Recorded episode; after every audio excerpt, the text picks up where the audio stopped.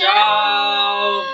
Siang ini kita masuk ke episode kedua. Welcome back to San Egidio Semarang Podcast. Oke, kemarin Lur, kita habis ngobrol sama Mas Aldi. Dia seorang mahasiswa dari OMK Katedral. Dia ngomongin soal Roh Kudus itu sebagai bekal. Keren kan? Nah, episode kali ini kita akan ngobrolin Pentakosta juga, tapi narasumber kita beda. Saya undang dua orang saya nggak mau kalau cuma satu orang. Rasanya kurang puas gitu. Ambil dua orang. Cewek cowok. Ada yang namanya Mas Wido ada yang namanya Mbak Siska. Kita mau kenalan dulu. Ciao Mbak Siska Mas Wido. Ciao. boleh dong kenalan dulu. Mbak Siska itu siapa sih? Kemudian kegiatan hariannya apa? Mas Wido juga ya ntar habis Mbak Siska. Siap. Oke, nama saya Siska. Saya asalnya dari Klaten. Saya di Semarang tinggal sekitar udah dua tahun. Eh, sehari-harinya kerja di rumah sakit swasta di Semarang oke rumah sakit swasta sebagai apa nih Mbak sebagai paramedis eh, khususnya bidan. bidan oke membantu ibu-ibu yang akan melahirkan Ya, oke. Kalau saya sendiri panggilannya Guido, bisa dipanggil Edo. Kesibukan saya saat ini bekerja di dunia F&B dan juga membuka usaha kecil-kecilan. Jadi selain itu juga eh, berkelana dalam kehidupan yang masih dalam kesenyapan.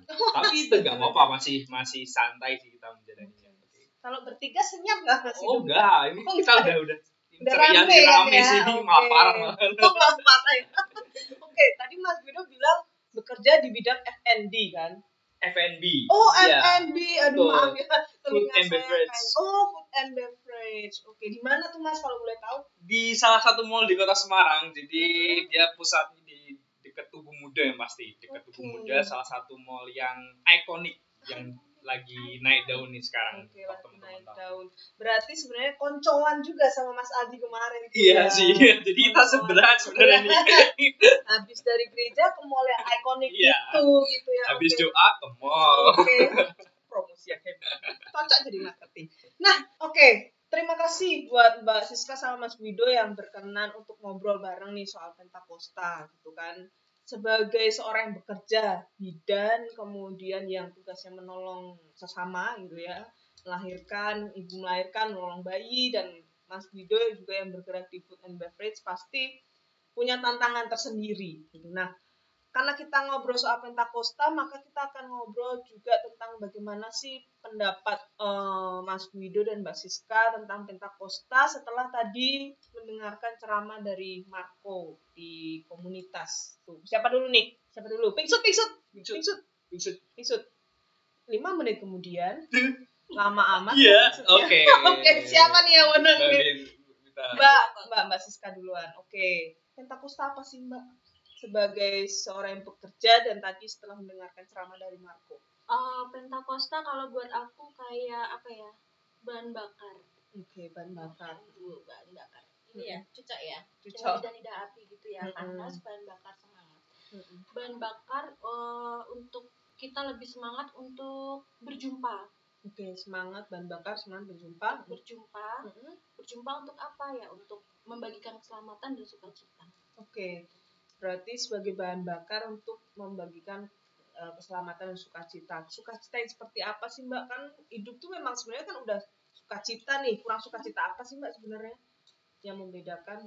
oke kalau aku ini ya ke pekerjaan Mm-mm. lebih ke pekerjaan itu eh saya kan ketemu di rumah sakit itu dengan pasien-pasien mereka adalah orang-orang yang membutuhkan pertolongan untuk sembuh dari penyakitnya dan lain Mhm. sebagainya Mm-mm. yaitu eh, eh, menurut aku dari em, relate ya kalau Mhm, eh, mhm. untuk semangat untuk berjumpa kemudian dengan Roh Kudus kita dipenuhi oleh cinta kasih karena kalau untuk melayani pasien kita hanya terjebak di eh, profesionalisme Mhm. aja dengan SOP udah cukup gitu kita hanya kita hanya sampai ke merawat jasmaninya aja Mhm. kita Mhm. kurang untuk menyentuh ke bio psikososial dan spiritualnya gitu.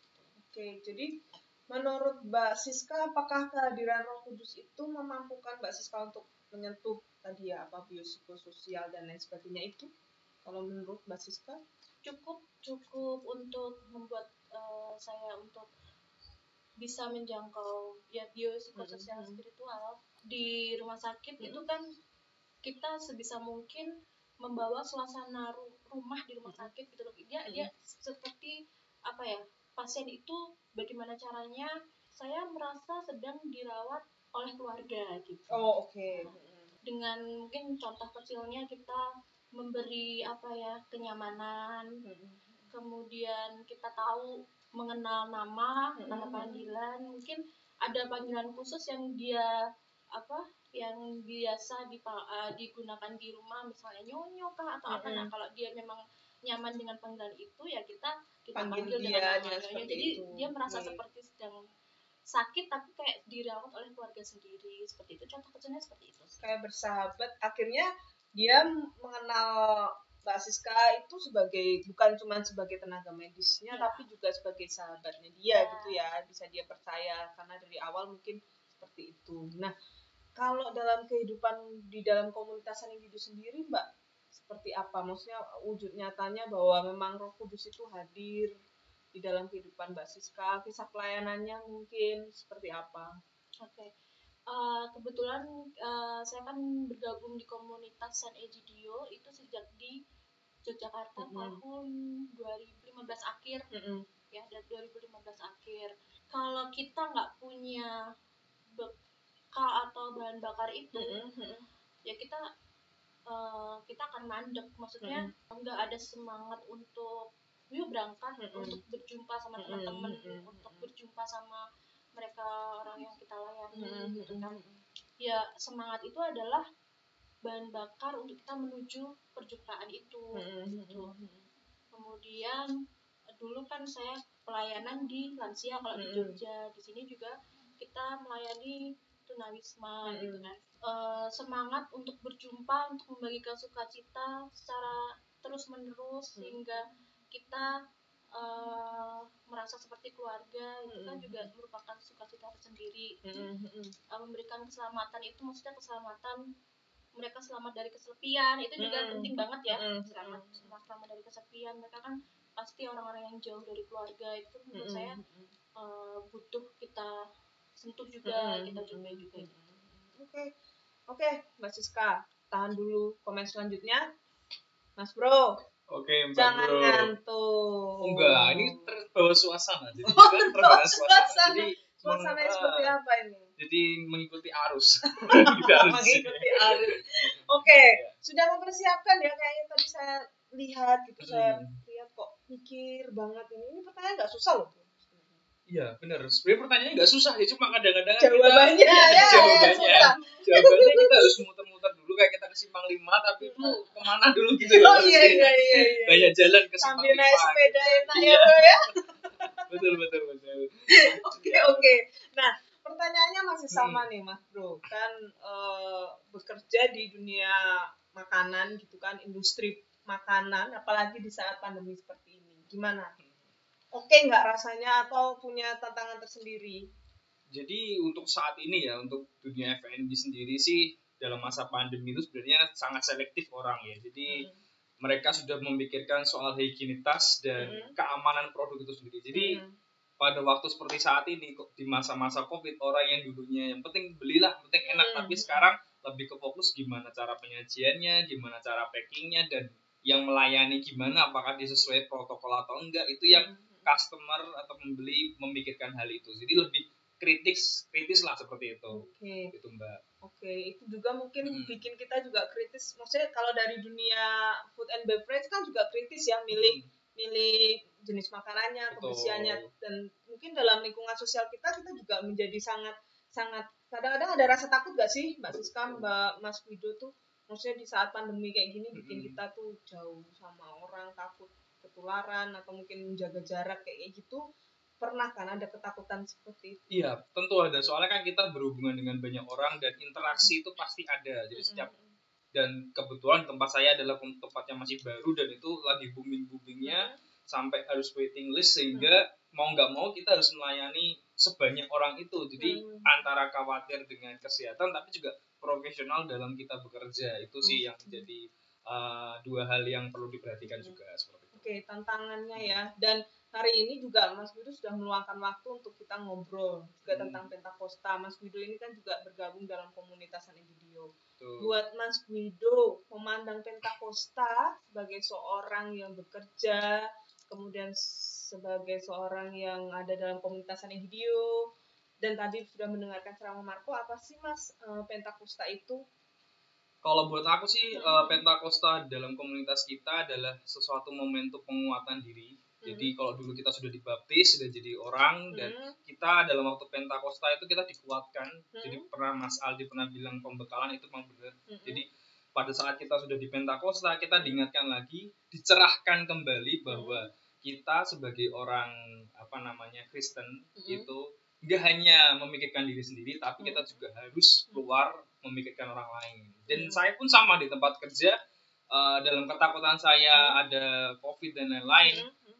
eh, rasa untuk bersuka cita dalam melayani orang Hmm. itu pun juga tumbuh di tempat kerja. Jadi Hmm. pada waktu saya di komunitas kan kita juga eh, di Semarang Hmm. itu kan melayani orang miskin dan di Hmm. situ eh, rasa kekuatan saya lebih besar daripada ketakutan yang saya hadapi ternyata dan Hmm. di situ juga membawa saya di tempat kerja yang penuh crowded dengan orang walaupun seberapa bahaya Hmm. itu yang penting kita sudah menjaga diri ya kita maksimalin pelayanan kita. Jadi tidak perlu milih-milih orangnya ini sakit atau gimana atau Hmm, yang kayak hmm, gimana. Yang hmm. penting kita tulus dalam uh, melayani seperti itu. Dan itu korelasinya dengan kita hidup di komunitas sama ternyata. Soalnya kan saya juga melayani di komunitas Hmm, dengan orang hmm. miskin dan melayani di tempat kerja itu sama-sama profesionalnya harus ada jadi Hmm. jadi sih profesional nggak hanya di tempat kerja tapi profesional dalam melayani juga ada di komunitas jadi seperti itu Oke, ternyata. di komunitas itu boleh diceritain Mas Wido pelayanannya seperti apa, kemudian apa yang membuatmu itu